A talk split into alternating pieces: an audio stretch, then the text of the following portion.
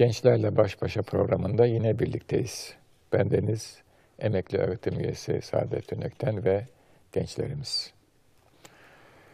Bu programımızda medeniyet tasavvuru ile gelenek arasındaki ilişkiyi gündeme getirmeye çalışacağız.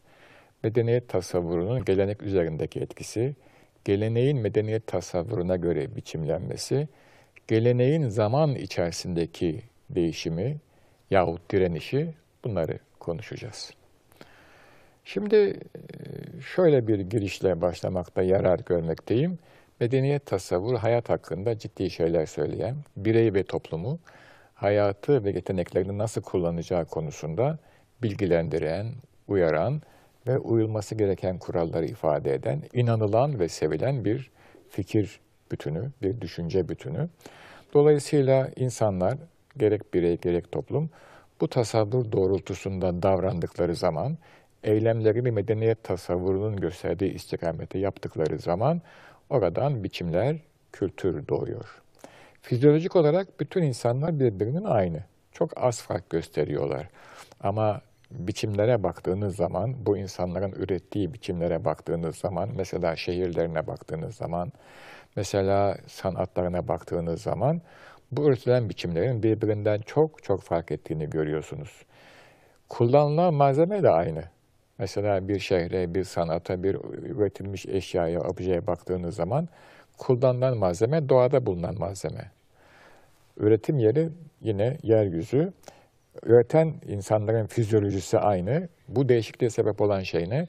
Onların zihni ve kalbi yapıları yani medeniyet tasavvurları. Dolayısıyla kültür veya biçimler tümüyle medeniyet tasavvurunun ürünüdür. İnsanlar bu biçimlerin için üretiyorlar? Yaşamak için. Yaşamak için bu biçimlere insanların ihtiyacı var. Pratik olarak ihtiyacı var. Zihni olarak ihtiyacı var. Maddi olarak var, manevi olarak var. Mesela sanat dediğimiz olay insanların manevi ihtiyacını maddi vasıtalarla temin eden bir hadise. Sanatta kullanılan bütün materyal maddi, yeryüzünde bulunan materyal ya da imal edilen. Ama sanattan elde edilen, umulan, beklenen etki manevi bir etki. Dolayısıyla insan dediğimiz varlık bütün biçimleri medeniyet tasavvurunun kendisine gösterdiği istikamette üretiyor. Bu biçimlerle hayatını kuruyor, hayatını zenginleştiriyor, karşı karşıya kaldığı sorunları çözüyor ve ihtiyaçlarını gideriyor, maddi ve manevi ihtiyaçlarını. Eğer bir tasavvura göre ürettiği herhangi bir eşya, bir düşünce, bir biçim, bir sanat eseri onun sorunlarını çözüyorsa, ona problem getirmiyorsa, bu tasavvura olan inancı, güveni, bağlılığı zaman içinde artıyor. Bu süreç, bu döngü birçok kez tekrarlandığında medeniyet tasavvurunun fikri yapısı, duygusal yapısı, içeriği yavaş yavaş unutulur.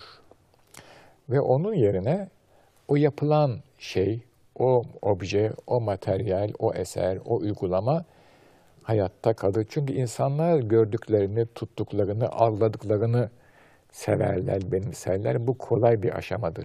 Onun arkasındaki fikri, duyguyu, düşünceyi yakalamak zor bir aşamadır. Şimdi isterseniz medeniyet tasavvurunun kendisine veya içindeki bir önermeye, bir değere öz diyelim, ondan üretilen bir e, olguya da biçim diyelim. Mesela medeniyet tasavvurun, İslam medeniyet tasavvuru veya Hristiyan medeniyet tasavvurunda Tanrı'ya ibadet ciddi bir değerdir ve bir emirdir. Bu Tanrı'ya ibadetin toplumsal olarak yapılabileceği belli yerler insanlar düşünmüşler. Tatbikat olmuş. Cami yahut bir başka kilise, mabet. Şimdi mabet bir biçim ama arkasında bir öz taşıyor. Nedir o? Allah'a ibadet, Tanrı'ya ibadet, ona yaklaşmak için böyle bir biçim tasarlanmış. Peki başka yerde yaklaşamaz mı? Tabii yaklaşılabilir, problem değil ama bu bir realite. İşte e, İslam'da Mescid-i Nebevi, Hristiyanlıkta da Roma'da kurulan ilk e, Pierre Kilisesi. Ta şimdiki değil çok eskiden, milattan sonraki 4. asırda kurulan kilise. Bu bir realite. Peki Musevilikte e, işte e, şimdi Süleyman Mescidi yer altında kalan. Neticede bakın burada bir öz var. yani aşkın bir güce bağlılık, ibadet, kulluk etmek, tapınmak burada bir biçim var. Şimdi zamanla insanlar bu biçimi sevmişler, bu biçimi kullanmışlar, bu biçim ile huşu, huzur bulmuşlar, mutlu olmuşlar. Arkadaki özün bu biçimi nasıl doğurduğu ilişkisi yavaş yavaş kaybolur. Bu biçim giderek çok daha önem kazanır, giderek özün yerine geçmeye başlar. Bu bir bu insanın beşeri bir özelliğidir. İşte o zaman gelenek ortaya çıkıyor. Gelenek dediğimiz şey biçimin tekrarlanması zaman içerisinde. Toplumsal olarak da biçimin tekrarlanması. Farklı toplumlarda aynı biçimin bir medeni ailesinden söz ediyorsak tekrarlı hale gelmesi. Tekrarlandıkça biçim yavaş yavaş özün yerine geçiyor. Tanrı'ya ibadet fikri orada şüphesiz var ama bu biçim çok büyük bir ağırlık ve değer kazanıyor. Halbuki zaman biçimlerin düşmanı. Bütün biçimler zamanla e, aşınır, yıpranır ve sarsılır. Her yeni zaman kendisinden yeni bir biçim ister toplumda. Halbuki biçimin sadece kendi başına kendini yenileyecek bir hayatiyeti ve gücü söz konusu değildir. Bu bir adet olabilir, bu bir bina olabilir, bu bir yasa olabilir, bu bir eğilim olabilir, toplumsal bir eğilim. Biçim sadece, çünkü biçimin kendi içinde o sadece bir biçimdir. Kendi ona hayat veren, ruh veren bir öz vardır. Özle ilişki koptuğu anda veya zayıfladığı anda o biçimini dendiriltmek fevkalade zor. İşte o zaman gelenek toplumun önünde, toplumu frenleyici, tıkayıcı bir rol oynuyor. Başlangıçta çok iyi bir şeyken, bütün kitleye çünkü çok kolay anlatılan, hemen yapılabilen bir biçim iken, zaman içerisinde bütün kitleyi hayatın akışına bağlı olarak frenleyen, önün tıkayan bir resim haline geliyor. Ve ihtiyaçlara cevap veremiyor. Önemli olan bir medeniyet tasavvurunda özü hiç unutmamak ve özden devamlı olarak biçime giden yolu açık tutmaktır. Bu yolun kapanmaması gerekiyor. Bu yol açık olduğu zaman biçim problemleri çözüyorsa hiç mesele yok.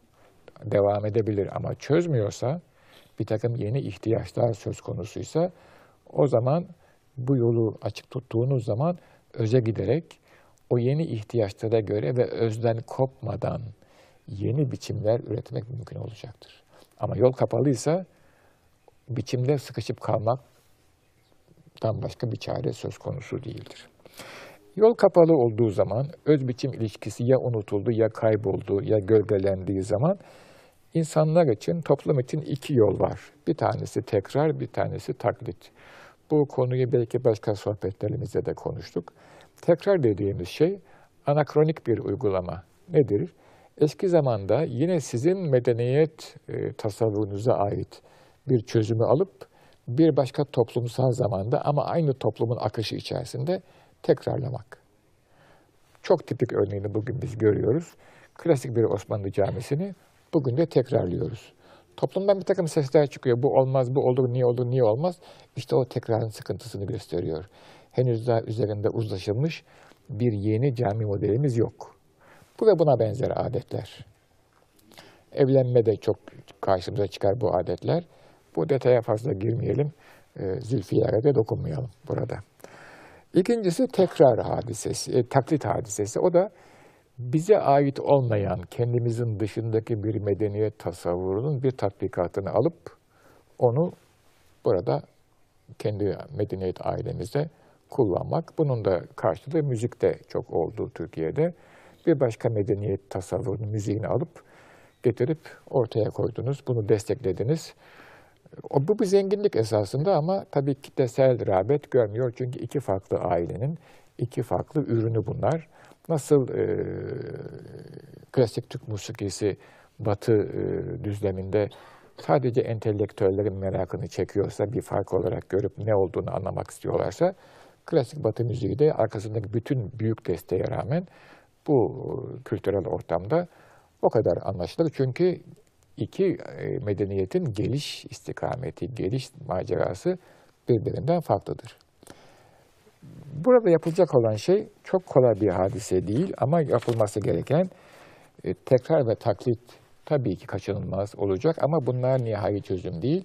Önemli olan bir medeniyetin kendi özünden her an, her zemin ve zamana göre yeni çözümler üretmesi yani öz biçim ilişkisinin daima diri ve açık olmasıdır. Burada görev toplumun aydınlarına, bilgelerine, düşünürlerine ve mistiklerine düşüyor. Onlar toplumun e, düşünen zekası, gören gözü ve e, duygulanan kalbi mesabesindedir. Kitle onlara tabi olur. Toplumda herkesin bir görevi var. Hiçbir görev diğerinden daha aşağı veya daha üstün değil. Nitelikleri farklı. Çok az sayıda olan aydınları, bütün toplumlarda bu böyle, e, sanatkarları, düşünürleri ve mistikleri ve bilgeleri toplumun gören gözü, düşünen zihni ve duyan kalbidir. Bunlar öz biçim ilişkisini ele alacaklar, yolu açık tutacaklar, toplum bunlara tabi olacak. İşte o zaman bu ilişki e, diri kalır ve her ana göre, burada an derken belki yüzyılı kastediyorum, her değişen zaman şartlarına göre yeni biçimler yani yeni gelenekler oluşturmak gerekiyor. Bir toplum birkaç yüzyıl boyunca aynı gelenekle yaşayabilir de yaşayamaz da. Hayatın akışı ne getiriyor onu kimse bilemez. Bu öz biçim ilişkisinin diri ve açık kalması için gereken birçok şart var ama en önemlisi başka medeniyetlere karşı kapalı olmamak. Buna bir medeniyetin geçirimli olması tabirini kullanıyorlar. Bir medeniyet kendinin farkına varabilmesi için dış temas yollarını mutlaka açık tutmalıdır. Küçük bir örnekle bu sohbeti de sonlandıralım. İslam medeniyetine baktığımız zaman, Ortaçağ İslam medeniyeti, o günkü dünyanın bütün medeniyet ailelerine açıktır. Bunun da en net örneğini e, Halife Memun devrinde kurulan Beytül Hikme ve orada yapılan o vakte kadarki bütün dünya külliyatının Arapçaya tercümesiyle anlıyoruz. Bütün eserler Arapçaya tercüme ediliyor. Bu demektir ki o vakte, o vakte kadar olan bütün birikimi İslam uygarlığı temel, e, temellük etmiş, temessül etmiş. Bir de müthiş bir bilgin ve bilge ve mistik trafiği var. Endülüs'ten Çin'e kadar gidip geliyorlar. Bu hareket bir manada bu uygarlığın büyük bir zirveye erişmesini sağlıyor. Osmanlı'ya baktığımız zaman başlangıçta bunun misali hareketler var. Ama zirveye eriştiği zaman siyasal olarak, ekonomik olarak artık bu hareketlerin durduğunu görüyoruz. Ta ki 2. Viyana'ya kadar o zaman da zaten işten geçmiş oluyor. 2. Viyana'dan sonra Osmanlı birçok elçi gönderiyor Batı başkentlerine. Fakat Batı ciddi bir yol almış, yol almış 300 sene bir fark yapmış ve giden elçilerin büyük bir kısmı da orada ne görüyorlar ve neyi nasıl anlıyorlar? Orada da benim ciddi e, istifamlar var zihnimde.